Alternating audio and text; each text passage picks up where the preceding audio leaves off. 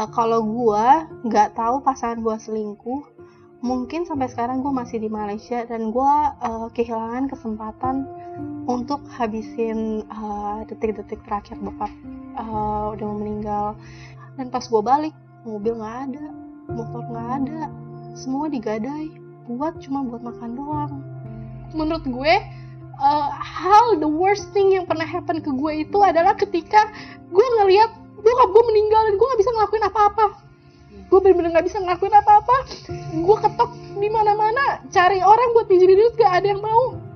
Padahal gue udah bilang kayak gini gue akan kerja pagi siang sore malam uh, sabtu minggu apa pun itu. Kalau gue nggak bisa bayar gue kasih ginjal gue yang penting lu bisa pinjemin gue duit karena gue pengen banget bokap gue tetap hidup.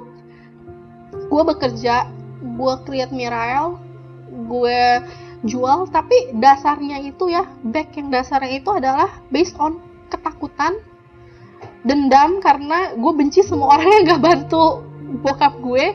Ah, hasil iya gue dapet duit. Tapi gue gak bahagia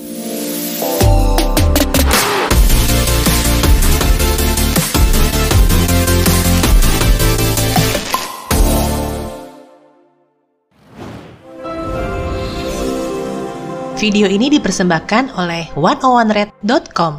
Jualan online tanpa ribet. Halo semua, kembali lagi jumpa di channelnya Kristinali. Kali ini gue lagi sama Felicia Regina. Nah, Felicia ini adalah founder dari Mirael Sugar Wax.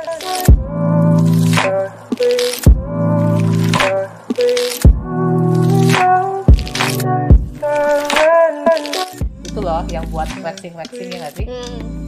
Lu kan juga dikenal sebagai yang suka ngajarin trading Iya. alis lah, terus waxing waxing waxing waxing juga lo ngajarin juga kan Iya. sampai bantuin salon-salon orang Mm. lo bikin SOP-nya kan Hmm, hmm, hmm. itu luar biasa sih menurut gue Hmm, lo ngomong-ngomong umur berapa sih tahun ini 28 tahun ini lo baru 28 oh thank you lo dibilang baru. masih muda sekali. Thank you thank you. Sendiri Ya, jadi em, sekarang aja penjualannya Mirael aja tuh bisa udah sampai 10.000 box lebih dalam sebulan. Mm. ya kan? Terus juga karyawan lo sendiri udah berapa orang? Cuma 10 10 itu oke lah. Gila, lo umur 28 udah, udah bisa mem- membantu menjadi tulang punggung dari 10 orang karyawan.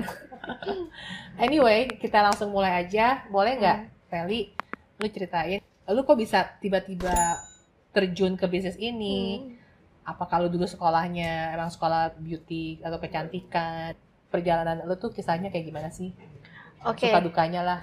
Eh, sebenarnya Mirael ini bukan bisnis pertama. oke. Jadi eh, da- dari kecil itu emang gue suka lihat ada peluang apa, gue jualan-jualan. Tapi itu kayak eh, iseng-iseng aja, iseng-iseng dari Hmm. kecil. Sebenarnya cita-cita gue tuh bukan jadi pengusaha. Cita-cita gue sebenarnya jadi guru. Karena gue suka banget ngajar. Gila, ya, lu- Suka banget gue ngajar. gue tuh bisa relate banget sama lu karena gue juga dulu guru TK men Oh, oke. nice. tapi guru bahasa Inggris ya Oh iya, terus, guru. Jadi cita-cita gue tuh selalu mau jadi guru. oke Eh, dan kenapa gue eh, akhirnya terjun jadi pengusaha waxing ini itu karena pada saat gue kuliah, gue tuh udah tahu gitu loh waxing itu manfaatnya apa dan gue tuh nggak suka cukur karena cukur itu ternyata bisa bikin bulu makin lebat dan makin hitam kulitnya. oke Dan sekali udah cukur, there is no turning back. Jadi kulitnya hitam akan hitam terus gitu loh. Hmm. Nah pada saat itu kan gue masih kuliah, gue masih kuliah dan gue selalu ke, gue kuliah di Malaysia, jadi gue selalu uh, beli kit waxing kit waxing kit waxing kit. itu tahun berapa sih lu yang waktu ke Malaysia tahun berapa Gue kuliah tahun dari 2009. Pokoknya udah sampai satu setengah tahun baru gue dapet the perfect formula, baru gue launching oke kayak gitu. Uh, ya memang launchingnya tuh nggak ada kepikiran gue sebenarnya bukan orang yang ambisius atau gimana ya. Jadi gue nggak tuh nggak akan pikiran kalau bisa kayak sekarang. yang launching produk itu lu posisinya lagi di Indo atau masih di Malai Nah, ini ada sedikit cerita di balik kenapa gua di Indo padahal pada saat itu kan sebenarnya gue masih di Malaysia. Jadi gini, kita tuh sebenarnya bukan dari keluarga yang eh, bukan dari keluarga yang super kaya banget, tapi kita berkecukupan. Sebelum gue lulus kuliah, itu bokap gue jatuh sakit. Itu di semester ketiga gue, dan gue kuliah di Malaysia. Bokap gue kena jantung ya, ke penyumbatan jantung. Pada saat bokap gue jatuh sakit, itu butuh biaya yang banyak banget Hmm. dan bokap gue pada saat itu nggak ada asuransi sama sekali Hmm. Dan uh, karena bisnisnya bokap itu bu- gak ada sistem jadi kalau bokap nggak kerja itu pabrik nggak jalan.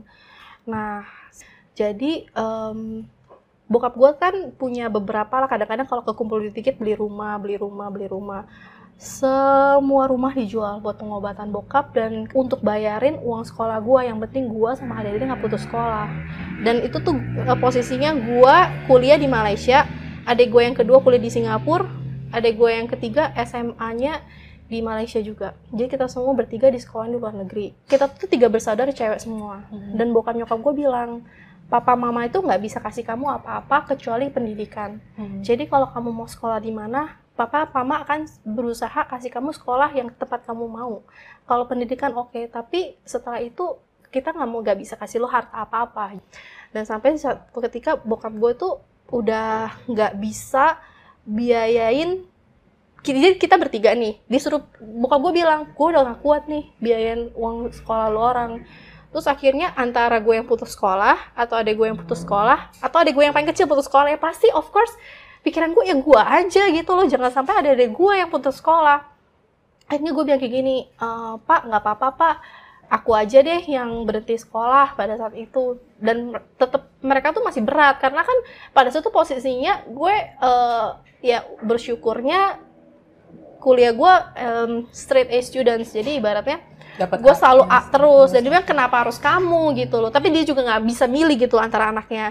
Terus akhirnya tapi itu jadi memotivasi gue what if bagaimana kalau gue eh, berusaha untuk cari duit gue sendiri untuk biayain Oke. kuliah gue kayak pasti banyak banget dong eh, yang bisa gue lakukan gitu loh dibandingkan pasrah gue putus sekolah keluarga gue sedih gue juga sedih gue putus sekolah. Gue bilang pikir gimana cara win-win? Dan akhirnya eh, dua hal yang gue lakukan. Pertama gue apply beasiswa. Padahal itu padahal belum ada pembukaan beasiswa. Gue udahlah pokoknya siapa tahu kayak bermodalkan nilai gue gue minta eh, beasiswa ke kampus gue. Yang kedua adalah gue mikirin bisnis apa yang bisa gue lakukan tanpa modal dan gue bisa dapat uang buat biayain sekolah gue akhirnya pas gue apply jadi be- apply beasiswa ternyata diterima. Diterima beasiswa jadi gue dapet diskon 50% Ah, nah yang kedua tapi gue tetap butuh uang kan untuk eh, lanjutin sekolah gue biaya hidup gue dan akhirnya pada saat itu eh, gue kan punya pasangan pada saat itu pasangan orang Malaysia. Dan akhirnya eh, gue ngeliat nih eh, kita suka kita diskusi bareng lah ternyata pada saat itu yang memang bakal dapat komisi paling besar dan juga penghasilannya bisa lumayan gitu tanpa modal itu jadi property agent Oke. jadi gue sama dia akhirnya jadi property agent kita sama-sama mulainya dari nol. Kita pelajarin properti-properti eh, di Malaysia itu seperti apa dan akhirnya kita kerjanya itu udah eh, sewain properti orang dan kita jual-jualin properti orang bantu orang jualin. Dan ternyata bagus banget prospeknya. Sampai akhirnya kita dalam satu tahun kita udah kebeli dua properti Wih gila. dalam satu Oke. tahun. Jadi kita 8 bulan doang kerja jadi property agent. Habis itu bulan ke-9 kita buka agensi sendiri dan karena kita tahu properti di Malaysia seperti apa, akhirnya kita kebeli dua properti. Tapi kan gua kan orang Indonesia, dia kan orang Malaysia. Jadi atas nama Semua atas nama dia. pacar lo semua Iya, tuh. Oke. iya. Gue percaya banget karena gue pacaran sama dia udah tiga tahun. Kayak ibaratnya nggak mungkin lah kita tuh pernah hidup susah banget gitu loh. Kayak eh, pada saat gue susah dia juga bukan dari orang berada. Jadi kita tuh gue masih ingat banget pada saat itu di dompet gue tuh cuma ada 10 ringgit. 10 ringgit itu tuh Tiga ratus ribu ya. tiga puluh ribu. Sepuluh ribu, tiga puluh ribu. tiga puluh ribuan, tiga puluh ribu pada saat itu. Dan gue mesti bertahan satu, gue nggak tahu satu minggu sampai lebih dari satu minggu. Jadi gue tuh gue beli bakso-bakso yang bakso-bakso kecil lima dan satu bakso itu gue potong sekecil mungkin dan gue goreng pakai kue tiaw. Sama setiap hari gue makan itu. Gue nggak tahu sih pasti masih ada lah yang lebih lebih yang susah. Tapi gue merasa pada saat itu titik paling susah gue itu adalah gue makan aja nggak punya duit Hmm. Singkat cerita di balik semuanya itu selama tiga tahun gue pacaran sama dia ternyata dia tuh selingkuhin gue itu udah Itu dia selingkuh di tahun keberapa? jadi gue ketahuannya pas pacaran udah tiga tahun Oke. gue ketahuannya dia ternyata selingkuh dan itu tuh kan karena kan gue nggak gue orangnya percaya banget sama dia gue nggak pernah curiga gue nggak pernah apa dan akhirnya tiba-tiba ketahuan. Dan setelah gue trace back tanya temen-temennya dan gue eh, lihat beberapa bukti ternyata dia udah selingkuhin gue dari day one gue pacaran sama dia. Sampai tiga tahun dan mungkin gue selingkuh dengan orang yang sama atau kayak berbeda-beda. Wah. dengan orang yang berbeda-beda. Dan gue nggak pernah curiga sama sekali. Kan gue pikir mana mungkin sih? Kayak kita tuh udah susah bareng loh. Kita tuh udah sampai sukses bareng susah bareng sukses bareng ya lu nggak mungkin tega. Nggak ada lah orang sekejam itu. Kayak ya mungkin pada saat itu gue masih polos ya. Masih kayak terlalu gampang percaya sama orang. Ini umur berapa tuh tuh gitu? Eh 2000 gue mulai Miral 2013 gue berarti putus 2012 2012 kurang 1991 21 tahun? Dua jalan ke 22 tahun lah. Oke. jadi sebenarnya gue udah gue udah buka perusahaan sama dia itu udah dari gue umur 19 tahun 19 ke jalan ke 20 ya. Heeh. Eh, ya gue diselingkuhin kayak gitu menurut gue itu adalah pengkhianatan terbesar. Jadi karena gue orangnya pada saat itu kan masih muda ya emosinya masih meluap-luap ya gue nggak pikir panjang. Pokoknya gue tahu dia selingkuhin gue tuh jam 3 pagi. Gue kan tinggal di Malaysia. Eh, gue udah pengen kabur aja gue pengen balik ke rumah orang tua gue gitu loh. Kayak ini ini terlalu menyakitkan dan jam 3 pagi gue tahu gue beli flight penerbangan balik ke Indonesia gue bawa barang seadanya aja. Karena gue nggak bisa bawa barang semuanya gue ambil secukupnya secepatnya. Gue langsung pergi ke pulang ke Indonesia dan gue nggak balik lagi ke Malaysia. Lu udah emosi jiwa banget. itu udah emosi jiwa. Dan pada saat itu gue cuman bawa yang ada di dompet gue yaitu 3000 ringgit which is sekitar 9 jutaan. Gue bawa 3000 ringgit berserta barang-barang yang bisa gue ambil. Gue pulang dan pada saat itu gue nggak balik lagi untuk ngambil barang gue. Jadi udah biarin aja. Jadi properti lu yang lu beli barang-barang tuh lu kayak relain aja gitu. gue relain. Dan pada saat itu kan dia kan ngejar gue kan. Dia ngejar gue dia dia terbang ke Indonesia. Dia bilang please kasih gue kesempatan. Buat jelasin. eh, buat buat mulai baru lagi. Terus eh, ujung-ujungnya dia kan marah karena gue nggak mau balikan sama dia. Terus dia bilang kayak gini satu kata lu tuh cuman cewek. Dan lu gak akan bisa sesukses gue Bah. pada saat itu gue shock banget. Shock banget.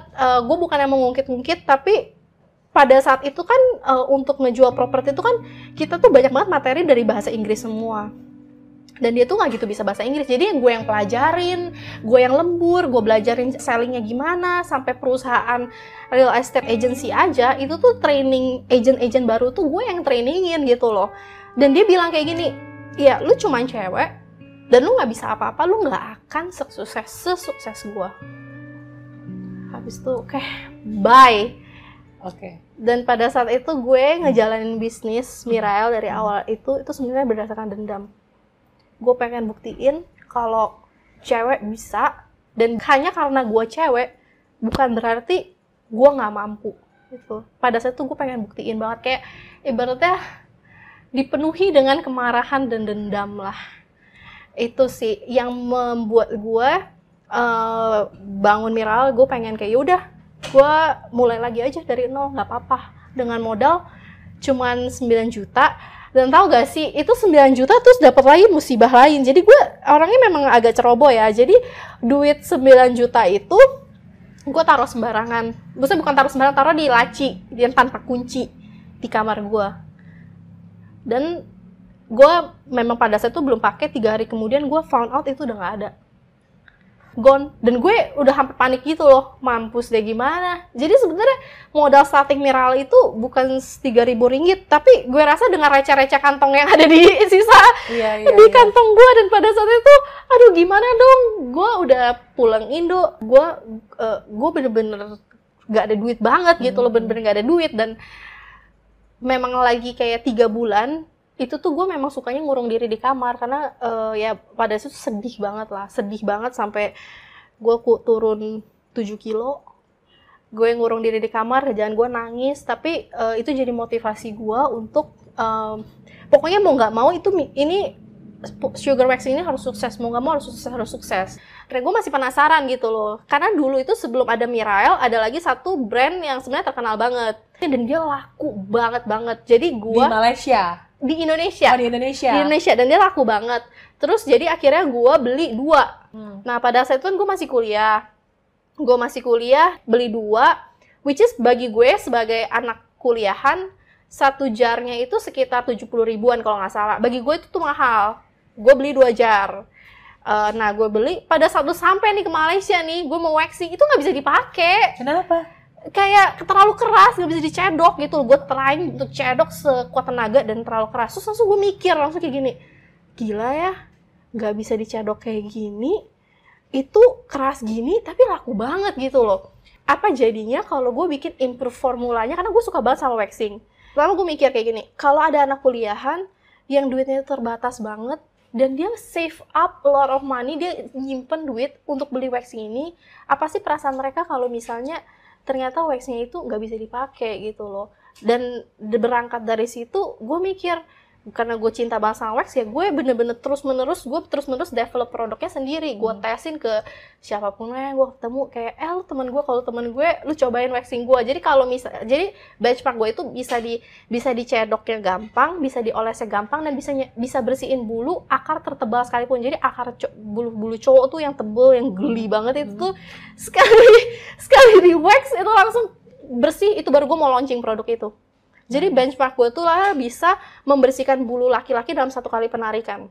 Terus akhirnya lo jadi belajar dari mana setelah belajar sendiri lagi. Terus gue ketemu ketemu orang gue ulang lagi gue ulang lagi. Kayak researcher gitu loh kayak percobaan nomor satu. Sampai akhirnya kayak percobaan nomor eh, gitu 500an percobaan. Itu gue jurnalin semua di buku. Terus sampai gue record suara gue sendiri kayak percobaan nomor satu hipotesanya ini ini ini ini. Gitu, kayak sampai adek gue bilang kayak geli banget sih lu Ci. Orang orang saintis juga bukan. Sok-sokan lu. Kayak kayak jadi sok-sok saintis. Gue bilang oke. Bodo amat deh. Gue jadi bahan percobaan siapa hampir semua orang kayak semua teman-teman gue tapi yang paling kasihan sih adik gue sih. Karena kan memang available always there gak bisa kabur lah ya serumah gitu. Lu Iya, mau nggak iya. mau gue akan bikin lu sampai mau lu.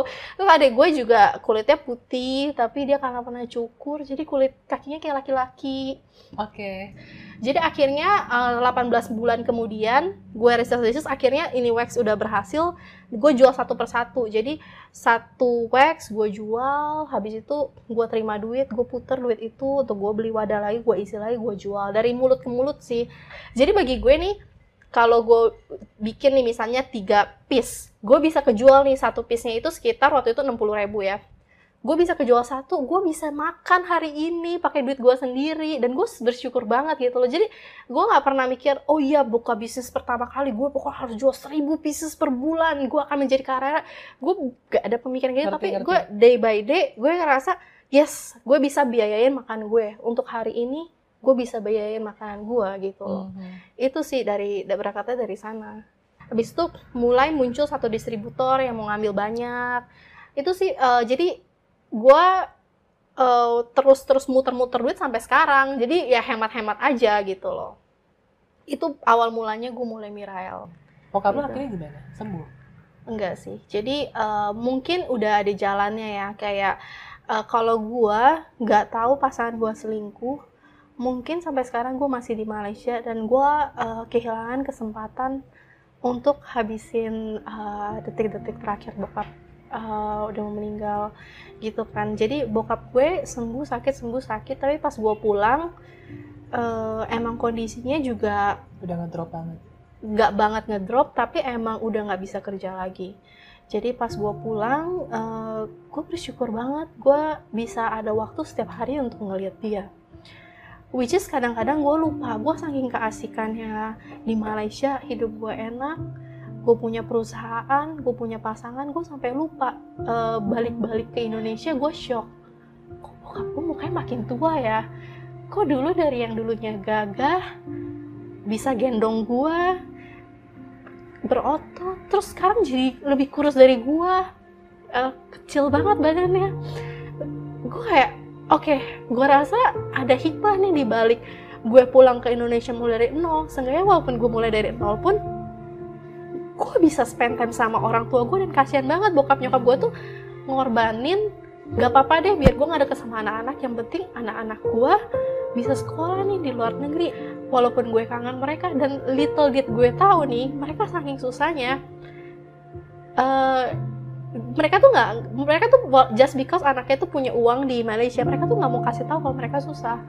Dan pas gue balik mobil nggak ada motor nggak ada semua digadai buat cuma buat makan doang.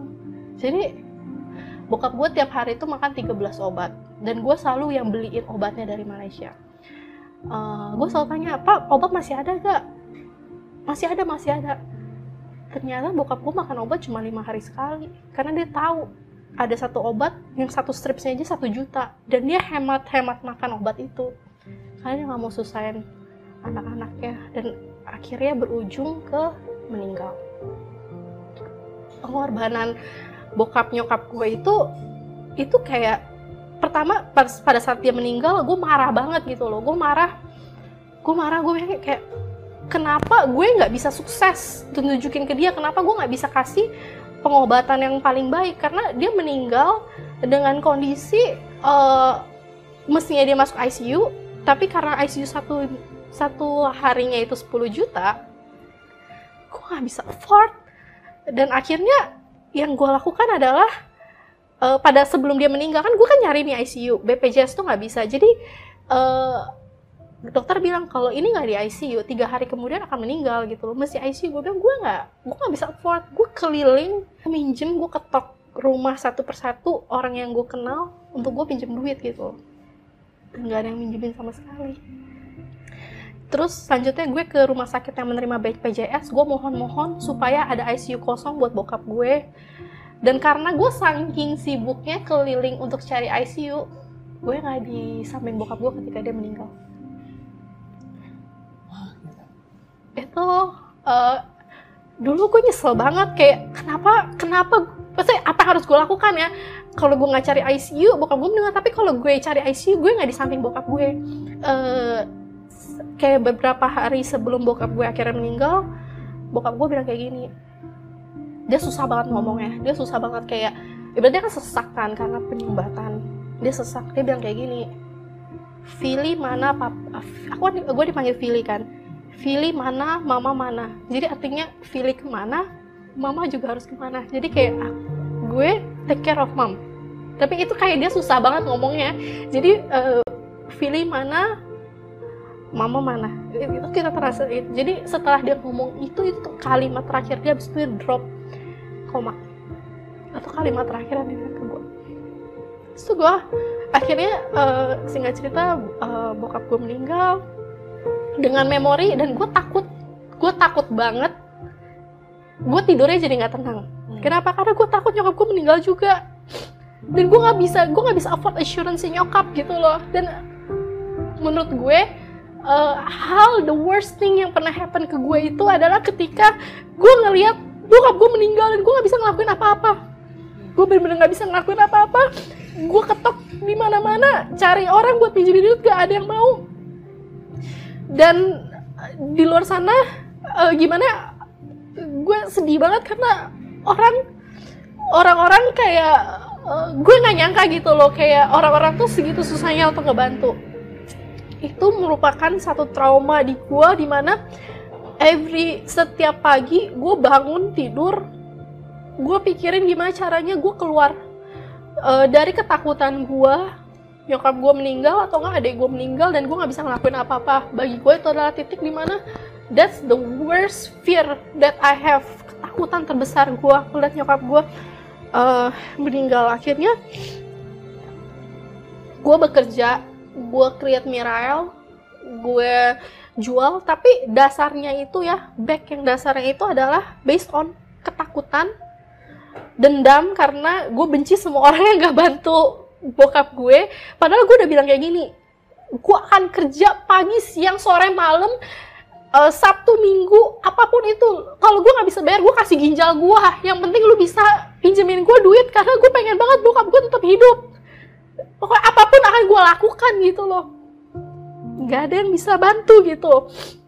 Jadi akhirnya itu dari ada kemarahan ada dendam ada um, pokoknya emosi yang negatif semuanya itu untuk gue ngejalan viral. Ah hasil iya gue dapet duit. Akhirnya gue bisa beli insurance nyokap gue iya gue bisa. Tapi gue nggak bahagia. Gue bener-bener uh, setiap hari reminded pain. Jadi dada gue sakit setiap hari. Kayak uh, pokoknya intinya gue dapat duit tapi gue nggak bahagia. Uh, terus juga ada kejadian juga satu kejadian lagi yang bikin gue makin marah lagi. Yaitu ketika akhirnya setelah nggak sama uh, tiga tahun gue putus sama cowok gue yang selingkuhin gue akhirnya gue gue gue merasa gue dapet the love of my life uh, gue ngerasa kayak kita sepemikiran. Kita uh, gue dapet ketemu cowok yang bisa membuat gue menjadi orang lebih baik. Uh, kayak kita tuh kayak grow together dan gue ngerasa kayak somehow gue ketemu nih cowok dan gue ngeliat kayak it feels like gue tahu dia for so long gitu dan gue it bener-bener susah banget buat gue jatuh cinta. Dan akhirnya gue ketemu nih cowok dan gue jatuh cinta sama segala sesuatu keburukan dan kebaikan dia. Gue jatuh cinta banget dan um, singkat cerita kita pacaran dan akhirnya uh, pacaran kita tuh kandas nggak lama. Itu karena orang tuanya tahu kalau gue itu dari background keluarga yang susah dan gue udah nggak punya bokap lagi. So kayak oke okay, it's again about financial. Dan kebetulan pasangan gue ini dari keluarga yang di atas gue dengan family yang lengkap. Everything dia ada gitu loh. Dan nyokap itu suspek gue cuma mau duit anaknya. Nyokapnya dia. Nyokapnya dia. Which is uh, dia nggak setujuin hubungan kita berdua. Dan akhirnya putus. Again udah gue marah bokap gue meninggal. Terus uh, gue marah nggak ada yang bantu bokap gue. Dan gue marah marah banget sama uh, mantan gue punya nyokap yang udah bilang kayak ini cewek cuma mau duit lu ini cewek cuman pikiran harta doang dan ini cewek nggak punya bokap. Jadi lu tuh bakal hidup susah kalau sama dia. Lu harus bukan cuma ngebiayain dia tapi lu harus ngebiayain satu keluarganya dia. Mendingan lu jangan sama nih cewek. Wah gue itu kayak menurut gue tuh itu hal yang terpuruk banget di hidup gue setelah bokap gue meninggal setelah itu uh, gue hidup dalam kebencian kemarahan uh, frustasi dendam lebih ke dendam sih. Sampai suatu ketika uh, gue dipertemukan dengan uh, meditasi. Jadi uh, gue meditasi uh, gue pergi ke retret meditasi karena gue ngerasa gini gue butuh nih pertolongan nih buat diri gue karena kenapa ya gue dapet duit kok gue nggak bahagia ya? Uh, terus kenapa ya gue tuh benci gitu loh sama kayak gue ngeliat semua orang tuh jahat. jahat gitu loh. Jangan percaya orang. Gue ngerasa kayak gue butuh bantuan. Jadi gue udah kayak pergi ke uh, psikolog. Terus akhirnya gue denger dengar orang-orang bilang e, lu coba aja meditasi. Kayak gitu. Ya udah akhirnya gue coba meditasi. Selama 10 hari gue nggak ngomong. Gue cuma meditasi doang. Setelah gue meditasi pelan-pelan pelan-pelan itu hari ke tujuh ya kalau nggak salah hari ke tujuh gue meditasi pelan-pelan gue mulai memaafkan diri gue sendiri. Menurut gue itu powerful banget. Di balik semua kebencian gue sama orang lain gue benci sama diri gue sendiri yang nggak mampu biayain pengobatan bokap. Gue benci sama diri gue sendiri yang belum sukses ketika bokap meninggal. Ketika gue imajinasiin diri gue yang pada saat itu masih umurnya lebih muda gue pas pada saat bokap gue meninggal gue visualisasiin gue elus rambut uh, rambut tiga gue bilang I forgive you kayak it's okay. Lu udah ngelakuin yang terbaik yang bisa lu lakuin. Gue maafin diri gue yang gue ngelihat diri gue itu gak berharga gue ngeliat diri gue itu bodoh gue lihat diri gue itu wah semua hal yang gue benci tentang diri gue gue maafin itu. Dan gue kayak gue lihat gue ngeliat gue ngehak gue peluk diri gue dan gue kasih sebanyak mungkin cinta ke diri gue yang gue nggak gue nggak tahu kalau gue bisa mencintai diri gue dan akhirnya gue belajar untuk mencintai dan gue maafin. Habis gue udah bisa maafin diri gue sendiri gue bermeditasi dan gue maafin mantan gue yang selingkuhin gue sampai tiga tahun dan the biggest breakthrough terobosan yang paling besar adalah gue maafin uh, eh, gue maafin calon uh, apa pasangan gue punya ma- mantan gue punya nyokap. Dan somehow ketika gue pancarkan cinta kasih ke uh, beliau gue gue sort of tiba-tiba gue berasa ada compassion ada cinta kasih di mana di balik dia nggak setuju gue sama anaknya untuk bersama di balik itu dia pasti ada ketakutan. Takut anaknya sengsara takut anaknya salah pilih pasangan dan takut memang anaknya menderita gitu loh. Dan gue memang nggak pernah jadi nyokap sebelumnya. Jadi gue nggak pernah nggak tahu rasanya. Tapi gue tahu setiap ibu pasti ingin yang terbaik buat anaknya. Dan apa pun yang dia lakukan itu dia lakukan untuk menjaga anaknya yang dia kasihi begitu gue ngeliat dengan sudut pandang kayak gitu suddenly rasa kebencian dan dendam gue berubah jadi compassion dan cinta kasih. Jadi cinta kasih dan gue bener-bener kayak to, kayak ibaratnya dan gue juga minta maaf gitu gue pernah benci sama dia gue gue pernah nggak suka sama dia gitu loh. Dan setelah gue melepaskan dan memaafkan uh, suddenly gue berasa powerful banget gue berasa kayak new life new adventures.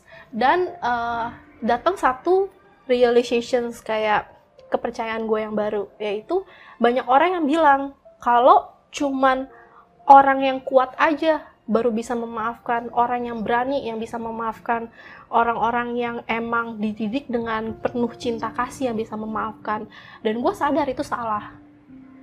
Nggak dibutuhkan orang kuat untuk bisa memaafkan dengan kita belajar memaafkan kita menjadi kuat itu pembelajaran baru setelah setelah gue selesai dari meditasi 10 hari yang lu meditasi di mana sih? Gue jadi pengen ada banyak kok yang uh, gratis-gratis meditasinya tuh yang Emang yang punya lo bayar?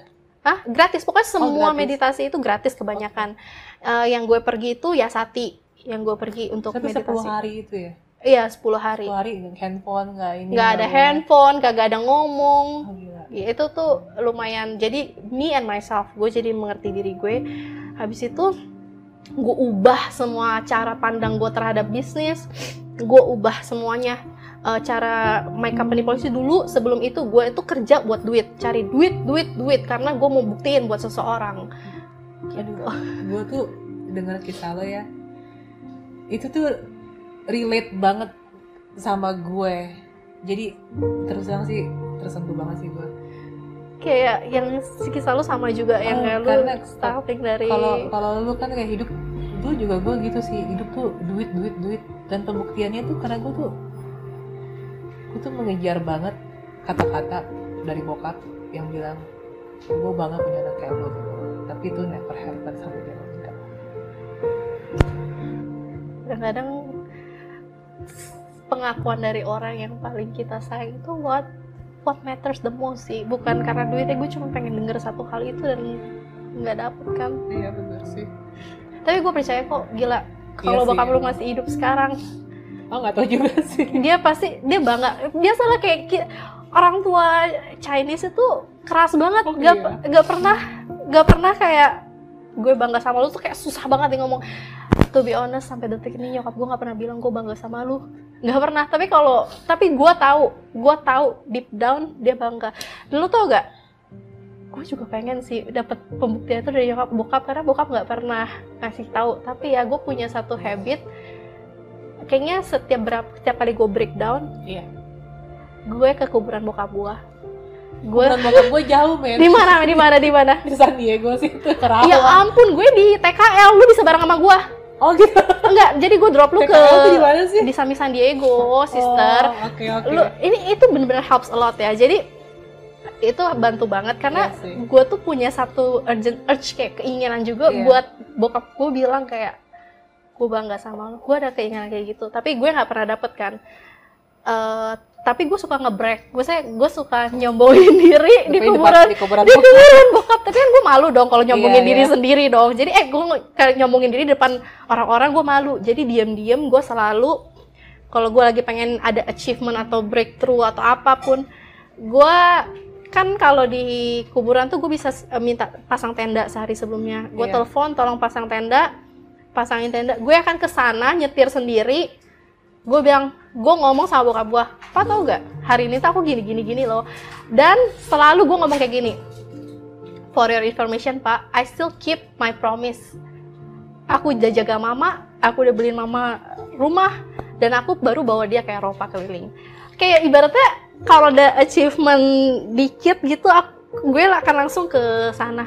Somehow um, gue tahu bokap gue tuh mungkin nggak tahu nggak dengar atau gue tahu dia nggak nggak dengar tapi uh, itu kayak ngelepasin kangen gitu Iya loh sih, bener. dan gue imajinasiin kayak ya udah imajinasi gue ketika gue ngobrol gue berimajinasi aja bokap gue di samping gue karena gue akan selalu booking tempat duduk gue duduk sendiri terus gue taruh kursi kosong gitu Terus kayak seolah-olah bokap gue Oh, di sana so nice. Gue kayak gitu juga. It's real. Gue akan pergi bareng sama lo kalau lo mau. Oke. It's itu bener-bener lega banget loh, lega banget. Eh, gue bisa ngobrol dan eh, somehow dengan gue ngelakuin itu, gue gue punya kepercayaan kalau bokap gue ngeliat gue dari jauh. Gue gue punya kepercayaan kayak gitu sih. Jadi gue juga baru taunya kadang eh, kayak gue juga sempet kan ada temen gue tuh yang kayak memperdalam NLP sama Hmm. eh, ada metode-metode yang seperti itulah. Hmm. Terus jadi dia tuh pas gue gue juga curhat sama curhat ke dia kan. Kenapa ya gue kok hidup kayaknya ya sama kayak lu gitu kayak kayak kayak hampa gitu loh, hampa atau dan ini ini kayak, kayak tahun lalu gitu lah. Apa sih yang gue kejar gitu kan? Terus dia bilang menyimpulkan kalau gue tuh trauma sama bokap gue Apa yang lo bukan traumain? bukan trauma jadi maksudnya lu tuh ada ada ada eh, hubungan yang belum belum kelar lah sama bokap lo Hmm. Terus dia langsung bisa menebak dengan cuma dari nanya-nanya ke gue. Dia bilang lu tuh tin katanya lu tuh keliat orang ngeliat lu tuh kayak strong kuat Hmm. gitu ya. Tapi lu tuh terlalu banyak denial. Denial kayak apa sih? Gue gue nanya kan. Terus dia bilang iya jadi denial tuh dalam arti penyangkalan gitu loh. Nyangkal sebenarnya lu tuh sedih tapi muka lu senyum. Hmm. sebenarnya lu tuh kesel tapi lu ngalah. Ngalah tapi lu tuh masih hati lu tuh masih suka nggak terima. Jadi tuh lu Hmm. banyak denial. Hmm. dan lu sendiri tuh kalau gue liat lu tuh kayak lu tuh kayak kayak kayak lu tuh kayak masih mencari pengakuan dari bokap lo. Bukan butuh pengakuan dari orang-orang ya tapi lu mencari banget pengakuan dari dari- terus terus gue bilang eh, ah masa sih? Enggak ah gue yang namanya bokap udah meninggal udah lama kan. Kadang gue bilang enggak ah gue nggak kayak gitu gitu kan. Terus dia gitu udah gitu dia dia memvalidasi dengan cara gini lu ngerasa nggak? Lu tiap kali nyari cowok pasti tuh cowok mirip bokap lu. Entah karakternya entar gayanya entar galaknya atau Oh, mirip demen banget. komputernya. Terus gue pikir iya juga ya. Kok iya sih? Gue bilang gitu. Iya itu salah satu validasi dia bilang. Terus udah gitu pas dia sambil ngomong kayak gitu tiba-tiba gue kayak eh, mikir lagi. Gue juga ya gue waktu dari lulus kuliah gue nyari kerja gue tuh kayaknya gue tuh kerja nggak pernah lama di satu tempat. Selalu orientasi gue duit. Gue mesti kerja gaji gede gaji gede gaji gede. Jadi tiap kali tiap setiap setiap udah lama di satu kantor tuh gue pasti kayak nyari kelamar lagi untuk dapat gaji gede gaji gede gaji gede. Jadi paling lama paling lama tuh dua tahun. Sebenarnya itu duit buat apa buat kayak nunjukin ke bokap eh gue bisa lo dapat gaji segini gitu kan. Sampai di terakhir terakhir itu gue sampai bisa beli rumah gue beli rumah aja tuh mesti segede rumah orang tua gue Wah. jadi itu gue gue tuh udah beli rumah itu tuh luas saya 300 meter terus luas bangunannya tuh gue bikin tiga tingkat 720 meter karena Ih, gede banget. mesti mesti segede rumah orang tua Pada gue saat itu bokap masih hidup. masih masih hidup tapi udah lagi sakit Oh. udah kena ginjal nah padahal gue waktu itu juga bingung kenapa sih gue mesti beli terus rumah segede gitu kayak gua, anakku cuma dua gitu kan. Buat apa gitu rumah gede-gede gitu kan. Dan lucunya setelah bokap gue meninggal gue sama sekali nggak ada hasrat ngelarin tuh rumah sampai sekarang itu rumah belum jadi. Bokap meninggal 2013 dan sampai sekarang itu rumah nggak jadi belum jadi. Gue tuh udah kayak mau tinggal sana aja males mau jual juga males mau ngapa-ngapain juga males. Karena mau nunjukin ke siapa bokap gue udah nggak ada gitu loh. Jadi balik lagi itu keren sih maksudnya dengan teman gue itu cuma nanya gitu aja langsung nyimpulin kayak gitu. Ya dia bilang makanya yang dia juga ngajarin ke gue sama lu visualisasi visualisasi Hmm. bokap lu lagi duduk depan lo dan lu sungkem depan dia. Lu Hmm. minta maaf. Lu minta maaf karena lu belum bisa memenuhi harapan dia. Dan lu minta maaf juga kalau lo masih kesel dengan kekerasan dia ke gue gitu. Maksudnya bukan kekerasan fisik ya tapi ya itu dididiknya keras. Didiknya keras. Kayaknya tuh kayak I, I am never enough gitu. Kayak gue tuh nggak pernah cukup di mata bokap selalu ada salah. Jadi makanya kenapa gue bisa relate banget gitu. Dan juga waktu bokap gue meninggal itu gue nggak ada di sampingnya. Itu gue gue, gue kesel banget. Gue bisa relate ternyata kita ada kesamaan. Gue gue bisa ngerasain lu di mana pas bokap meninggal itu posisi gue lagi di rumah. Posisi gue jadi itu kocak gitu loh kayak bokap itu operasi kan operasi cakok ginjal operasinya sukses. Hmm. Terus kan setelah operasi kan mesti masuk ke ruang khusus Hmm. gitu kayak apa sih ICU ya yang yang di Hmm, iso. Hmm. Nicu kan? Bukan apa Nicu. sih? Nih cuma buat anak Bukan, kecil. sorry. Apa ya? ICU gue gak ngerti lah. Pokoknya keluarga nggak boleh masuk lah. Hmm. jadi cuma bisa ngeliat dari balik kaca gitu. Udah gitu kita sempet kesel maksud gue kayak gue ngeliat susternya aja kukunya hitam-hitam gitu. Bisa masuk sementara gue nggak boleh gue kesel banget. Dan cumanya kita udah happy kan? Ih Hmm. sukses sukses lo berhasil kan? Jadi itu tuh pas udah kelar operasi aja tuh masih kita masih kayak bokap tuh masih BBM-an zaman dulu ya sama nyokap. Udah kita ngomongin plan-plan. Nanti kalau udah sembuh kita jalan-jalan nih ke sini segala macam gitu kan. Itu tanggal 27 gue inget banget. Terus tanggal 28 itu nyokap tuh udah selalu di rumah sakit kali itu 4 hari berturut-turut eh, sebelum operasi kan tidur di rumah sakit segala macam pas tanggal 28 akhirnya karena nyokap mesti butuh baju atau segala macam dia pulang nih pagi-pagi jam 6 naik ojek gitu loh naik ojek biar cepet. Pas lagi dia mau nyampe rumah itu tau-tau suster telepon. Bokap gawat.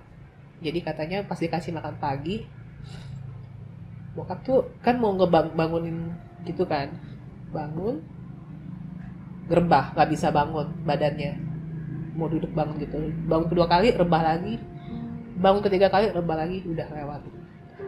Jadi kayak bokap tuh pas meninggal yang gue keselnya tuh nggak ada siapa pun di situ gitu. Dan nyokap tuh bener-bener menyalahkan diri sendiri banget kan maksud gue. Selama ini gue selalu nemenin kan. Kenapa? Pas gue pulang kok bokap nggak ada jadi itu sih yang paling. Dan kita semua kaget lah. Kaget banget gitu kayak gue gue juga nggak terima gitu kan dulu belum sempet ngasih last word kayak kata-kata terakhir karena lo juga nggak siap kan kiranya bakal everything oke.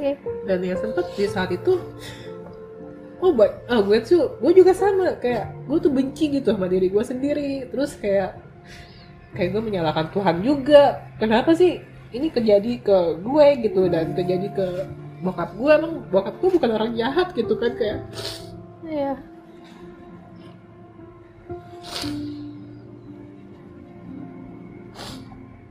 dan bokap gue tuh waktu meninggal baru umur 54 jadi kayak menurut gue masih, masih sangat muda muda, banget gitu loh. Lo umur berapa waktu itu? Itu tahun 2013 tahun 2013 berarti gue umur umur berapa? Umur 31 ya itu dia yang, yang makanya dan ternyata rasa nggak terima itu tuh yang terus-terusan yang bikin perasaan gue mau gue sesukses apa pun punya duit segede apa pun Hmm. omset segede apa pun ya hampa aja. Hampa. Gue gua, kerasa kayak itu duit tuh cuma kayak angka gitu. Yes yes. Kayak nggak ada nggak ada bahagianya gue ngerasa gitu. banget. itu sih yang gue rasain. Makanya Hmm. ketika lo ngomong kayak gini gue bisa relate banget sih. Oke.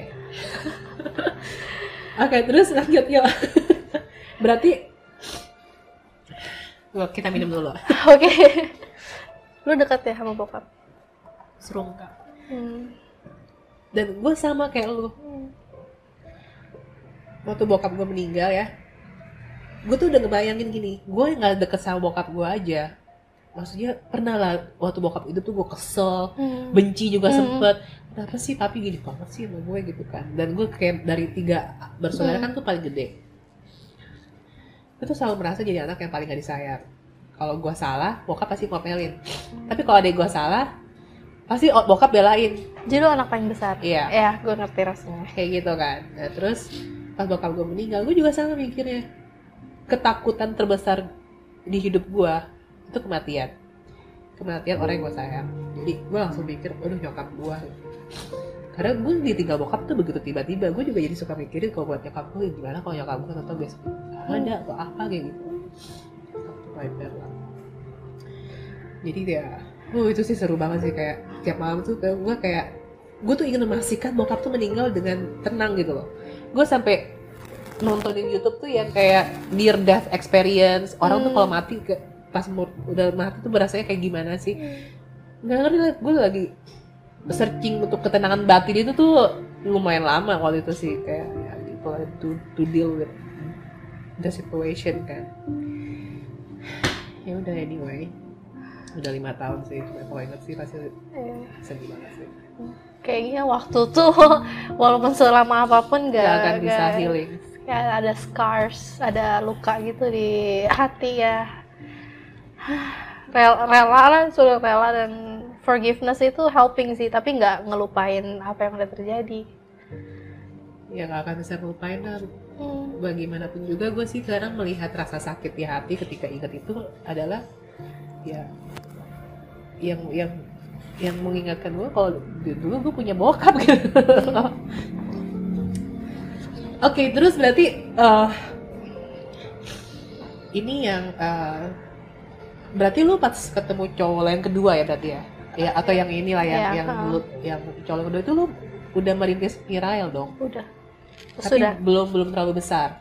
Um, karena kan dibandingin sama perusahaan dia yang memang modalnya udah oke jangan bandingin usaha gue pikirnya nggak fair ya usaha gue anak muda lu bandingin sama usaha level uh, kakap lah. iya level udah- kayak lu udah udah di udah dari udah modal lu aja udah gede terus lu mau bandingin tuh nggak akan pernah bisa gitu gue pikirnya dalam posisi gue sekarang yang merintis baru baru dua tahun Sekarang bisa nggak lo ceritain titik baliknya bisa sampai Mirael dikenal di mana-mana. Hmm, hmm. Di gue juga cek di marketplace juga penjualannya sih gila-gila sih. itu udah oke lah. Itu titik baliknya apa?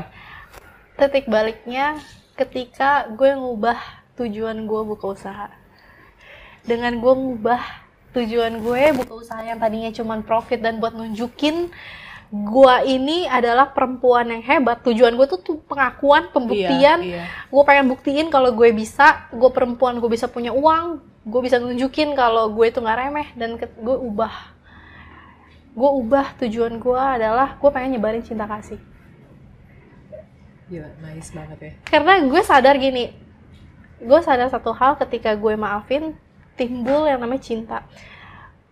Gue percaya cinta itu tuh menghapus semua kebencian dan dendam. Dan after all sebenarnya the enemy itu bukan gue against other people. The enemy adalah gue against my belief yang kebencian itu segala macam. Dan langsung gue ngubah directions gue adalah gue ngelakuin bisnis untuk menyebarkan cinta jadi gue ubah policy usaha gue yang tadinya itu profit profit profit sekarang gue punya values ada kayak nilai perusahaan yang paling besar adalah memberikan bukti cinta kasih Bisa dijelasin nggak tuh contohnya kayak gimana sih? contoh memberikan bukti cinta kasih itu simple banget.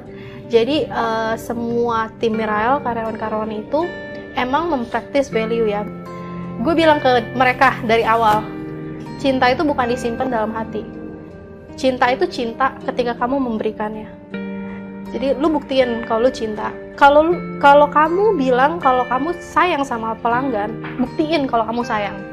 Apa buktinya? As simple as gak apa-apa dia mau nanya seberapa banyak pertanyaan pun yang nggak yang memang dia nantinya mau beli kita happy dia nggak beli juga yang penting kita nunjukin kalau kita peduli itu pertama. Jadi bener-bener semua uh, karyawan yang kerja di Miral nunjukin kepeduliannya. Mau yang dari customer service sampai ke OB sampai ke tukang packing mereka tuh peduli sama satu sama lain. Yang kedua kita tuh selalu praktis eh, jadi eh, tiap pagi itu tuh kita jam 9 tank. Itu ada namanya sharing.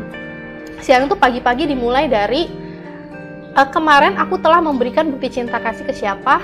As simple as aku memberikan bukti cinta kasih ke mamaku aku membelikan dia makanan. Kayak gitu. Jadi hal-hal kecil sharing aja hal kecil but atau hari ini aku menerima cinta kasih dari kawanku karena dia masakin aku makanan. Nikmati gitu. Jadi ada sharing itu sama sharing uh, hari ini aku bersyukur apa? Hari ini apa yang aku syukuri?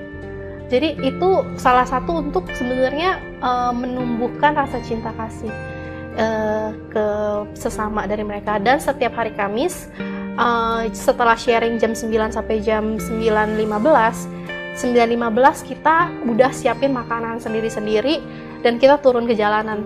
Ini tiap hari Kamis? Setiap hari Kamis. Jadi wow. seminggu sekali, setiap hari Kamis uh, karyawan tuh ada yang bangun pagi-pagi. Kan aku bilang kan, oh pokoknya satu orang bawa satu makanan, ada yang bawa tiga, ada yang bawa empat, dan selalu nunggu-nunggu hari Kamis karena ada kesempatan untuk kita bener-bener keluar ke dari dari kantor keliling bener-bener ngasih ke petugas sampah dan kita ngasihnya aku ada peraturan nih ngasihnya gimana. Ngasihnya tatap matanya sapa dan buka hati kamu dengan sukacita dan dengan senyum kasih Bapak selamat pagi ini ada makanan buat Bapak silahkan dinikmati dan kita tuh banyak banget terima cinta kasih dari orang-orang orang-orang lain. Kayak terima kasih ya uh, izinkan saya untuk doain. Jadi bisa kita didoain tuh uh, kayak lima menit gitu loh panjang banget doanya. Dan uh, kita, uh, eh, aku aku membawa karyawan-karyawanku untuk menyebarkan cinta kasih bukan cuma ke sesama tapi ke ke orang-orang yang nggak dikenal juga. Dengan harapan untuk mereka sadar kayak kita semua tuh saudara loh kayak aku punya warna kulit yang berbeda dari kamu aku punya agama yang berbeda dari kamu. Tapi tahu gak sih kalau kita kepotong pisau darah kita sama sakitnya tuh sama. Air mata yang kita keluarkan itu sama tetap air mata ya sama gitu loh. Aku ketusuk sakit. Mungkin orang yang kulitnya beda dan agama beda percaya beda ketusuk juga sakit. Dan aku udah selalu tekankan tidak ada perbedaan antara kita. Jadi itu itu itu hal yang itu titik aku dan titik balik aku dan aku bekerja bukan buat uang lagi tapi aku bekerja untuk uh, membuat orang merasakan I don't know you, aku nggak tahu kamu, aku mungkin nggak tahu selengkap apa pun cerita kamu, tapi aku sayang sama kamu. Dan uh, dari situ kan aku terus ngelakuin, ngelakuin, ngelakuin sampai ada satu kisah yang bikin aku seneng. Uh, ada karyawan aku datang ke kantor, ke, ke ruangan aku, dia bilang kayak gini, uh, Bu, jujur aja, uh, selama setengah tahun kerja di Mirael, uh, aku bukan cuman menjadi orang yang kerjanya lebih baik, tapi aku jadi istri yang lebih baik untuk suamiku dan ibu yang baik untuk anak-anakku. Aku bilang kenapa? Karena ibu selalu menekankan untuk memberikan cinta kasih ke pelanggan. Langsung aku mikir, orang yang aku nggak pernah ketemu, cuman chat-chat aja aku bisa sayang sama mereka. Langsung aku jadi mikir, uh, aku sebagai ibu kok nggak bisa nunjukin sayang yang peduli dalam ke anakku? Jadi aku baru sadar sebagai ibu aku suka tuh telantarin anak aku anak aku jatuh ke jalanan ya santai aja. Jadi adik anak aku makan yang nggak sehat juga aku bodoh amat. Dan aku jadi sadar kalau aku bisa peduli sama orang yang aku nggak kenal di chatting kenapa aku nggak bisa peduli ke anakku dan is, uh, dan suamiku dari sejak saat itu banyak muncul sharing-sharing lagi karyawan-karyawanku yang mulai jadi anak yang berbakti sama orang tuanya, mulai jadi istri yang benar-benar baik dan uh, berbakti gitu untuk anak dan suaminya. Menurut aku itu hal yang menurut aku jauh lebih berharga dibandingkan dapat keuntungan dan profit itu. Jadi uh, yang aku ketika aku tujuannya bukan profit, malah aku bingung banget kayak rezeki itu datang. Terus aku juga kayak ini gimana ya? Aku bilang kayak terus tiap bulan kita tambah lagi tambah lagi tambah tim lagi. Uh, dulu tuh pada dulu itu aku mulai pada saat aku ngubah itu aku karyawan aku cuma dua. Sekarang untungnya udah 10 dan kita udah rencana nambah lagi lima. Uh, karena lagi ekspansi gede-gedean. Jadi mereka tuh kayak kerjanya dari hati masa mau kerja mau dikerjain? Gitu. Jadi sebenarnya kayak satu orang itu mau aja kerjain semuanya. Jadi saya walaupun 10 tim mereka 10 orang tapi kayak berasanya itu kayak kerjaan 20 orang yang kerjain gitu. Kayak aku kayak ya ampun sayang bener sih kalian sama ini. Kayak ya aku sayang kalian kalian sayang aku. Kayak kita lebih lebih banget sih semuanya cinta cinta cinta gitu. Itu uh, lu sendiri juga ketika kan pasti kan kalau buat yang nonton nih ya pasti kan Hmm. eh kalau gue mau melakukan ini gue mulai gimana ya ngomong ke karyawan kan pasti kayak canggung Iya. ngajarinnya gimana apakah diajak meeting bareng-bareng dulu eh kali ini gue mau ngomong ini ya bla bla bla Hmm. kan lu kan mulai dari dua orang itu nah lu, Ah. lu ngomongin dari dua karyawan lu itu Hmm. kita akan mulai cinta kasih nah lu ngomongnya kayak gimana gue nggak pakai kata cinta sih maksudnya pertama gue canggung juga karena Iya, kan iya. dari yang kayak kaku banget yang kayak ngomong sayang aja susah tapi pelan-pelan sih gue pakai kata cinta tuh gue ganti jadi peduli dulu. Peduli, kayak ya. peduli peduli eh, ingetin. Dan gue selalu ambil cerita, cerita kayak gini. Gue selalu ngambil cerita selalu kayak gini. Tau gak sih dulu pas gue kuliah eh, bagi gue uang 60 ribu 70 ribu tuh uang yang berharga.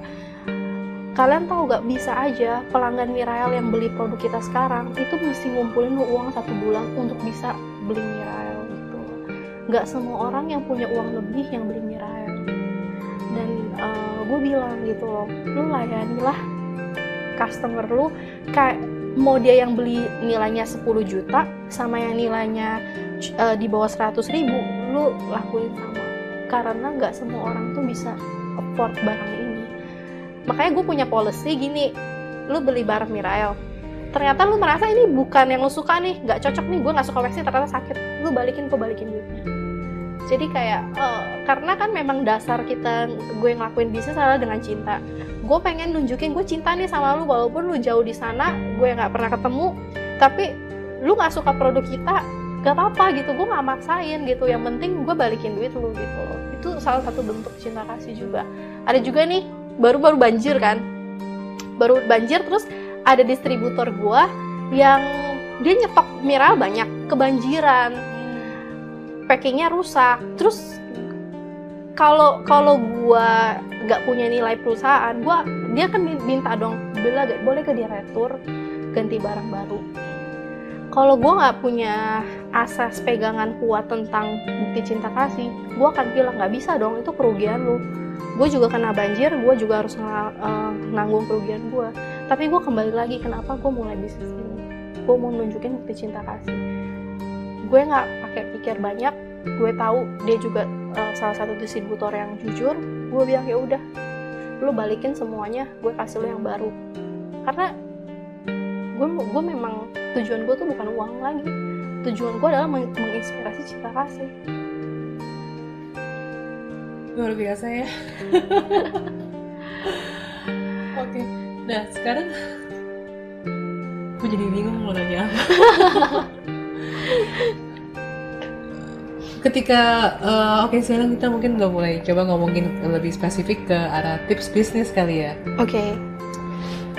Lu sendiri ketika akhirnya membesarkan Mirael terus eh, mulai dari dua karyawan hingga menjadi 10 karyawan. Nah sistem di Mirael sendiri atau mungkin yang lu bisa bisa share ke mereka yang baru punya bisnis itu sebenarnya sistem yang penting untuk sebuah fondasi bisnis itu apa sih menurut lo?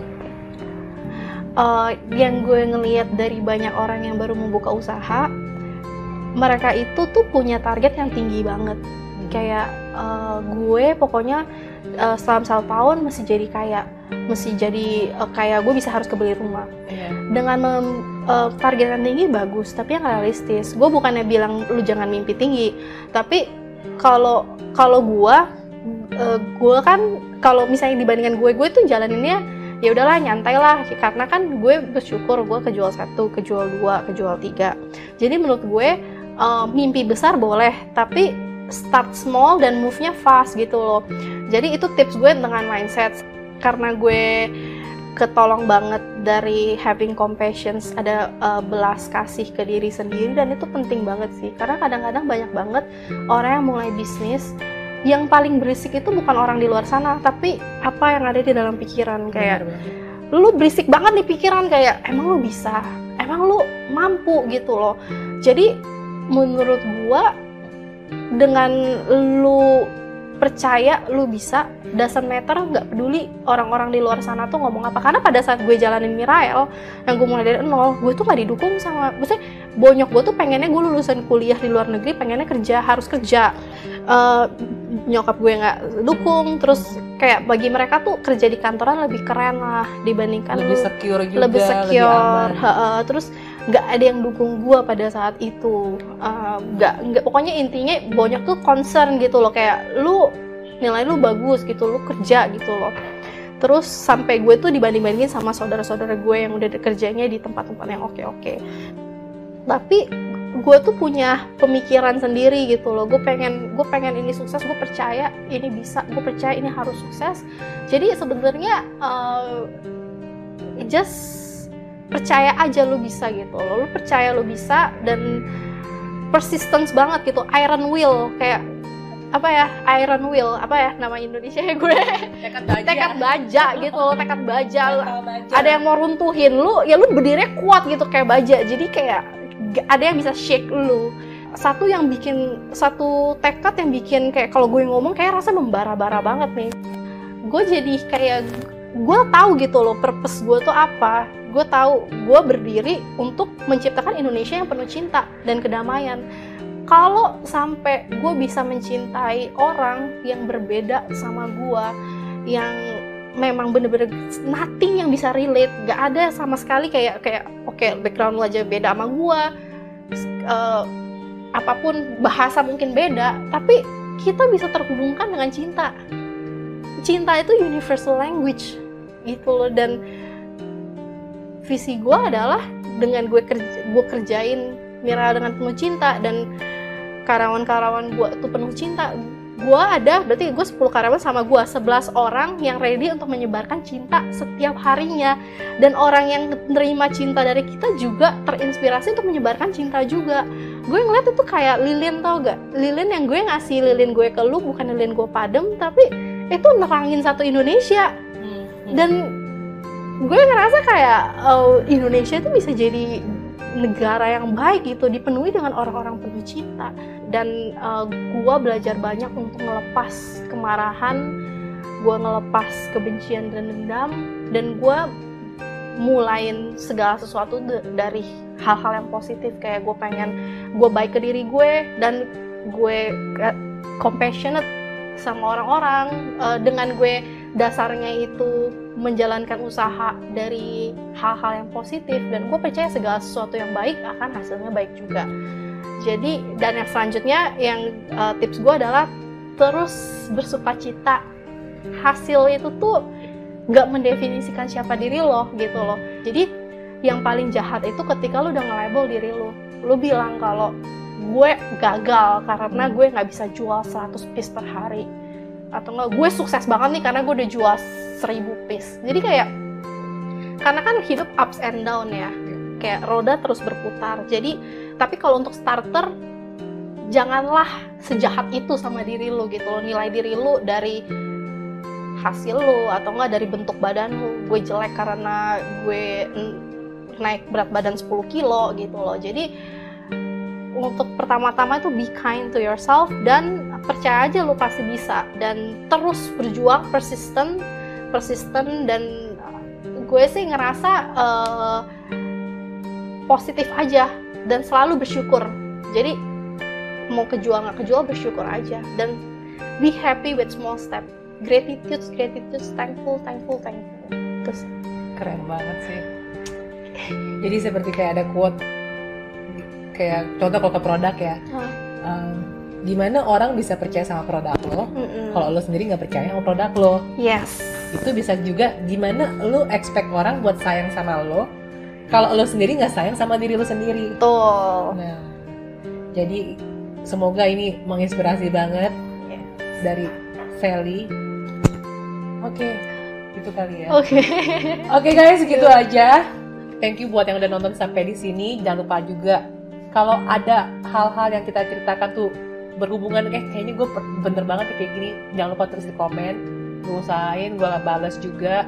Gue juga akan minta Feli nanti baca untuk balas juga. sip Terus jangan lupa juga support produknya Feli, Mirael, Sugar Wax buat cewek-cewek yang ingin mulus tanpa bulu.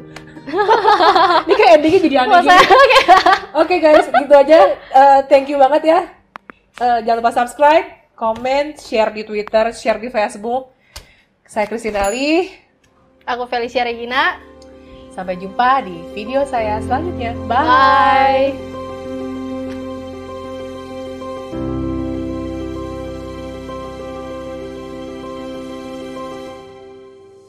Tidaklah masalah berapa kali kita gagal. Tidak penting berapa kali kita hampir berhasil. Kecewa karena gagal itu masih jauh lebih baik daripada menyesal tanpa melakukan sesuatu. Yang perlu kita lakukan hanyalah belajar dari kegagalan itu dan dari orang-orang di sekitar Anda, dan yakin kalau kita pun bisa bangkit. Janganlah takut dengan kegagalan, karena jalan menuju kesuksesan adalah dengan selalu mencoba setidaknya satu kali lagi. Dan ketika kita mencapainya, semua yang tidak tahu kisahmu hanya bisa berkata betapa beruntungnya Anda.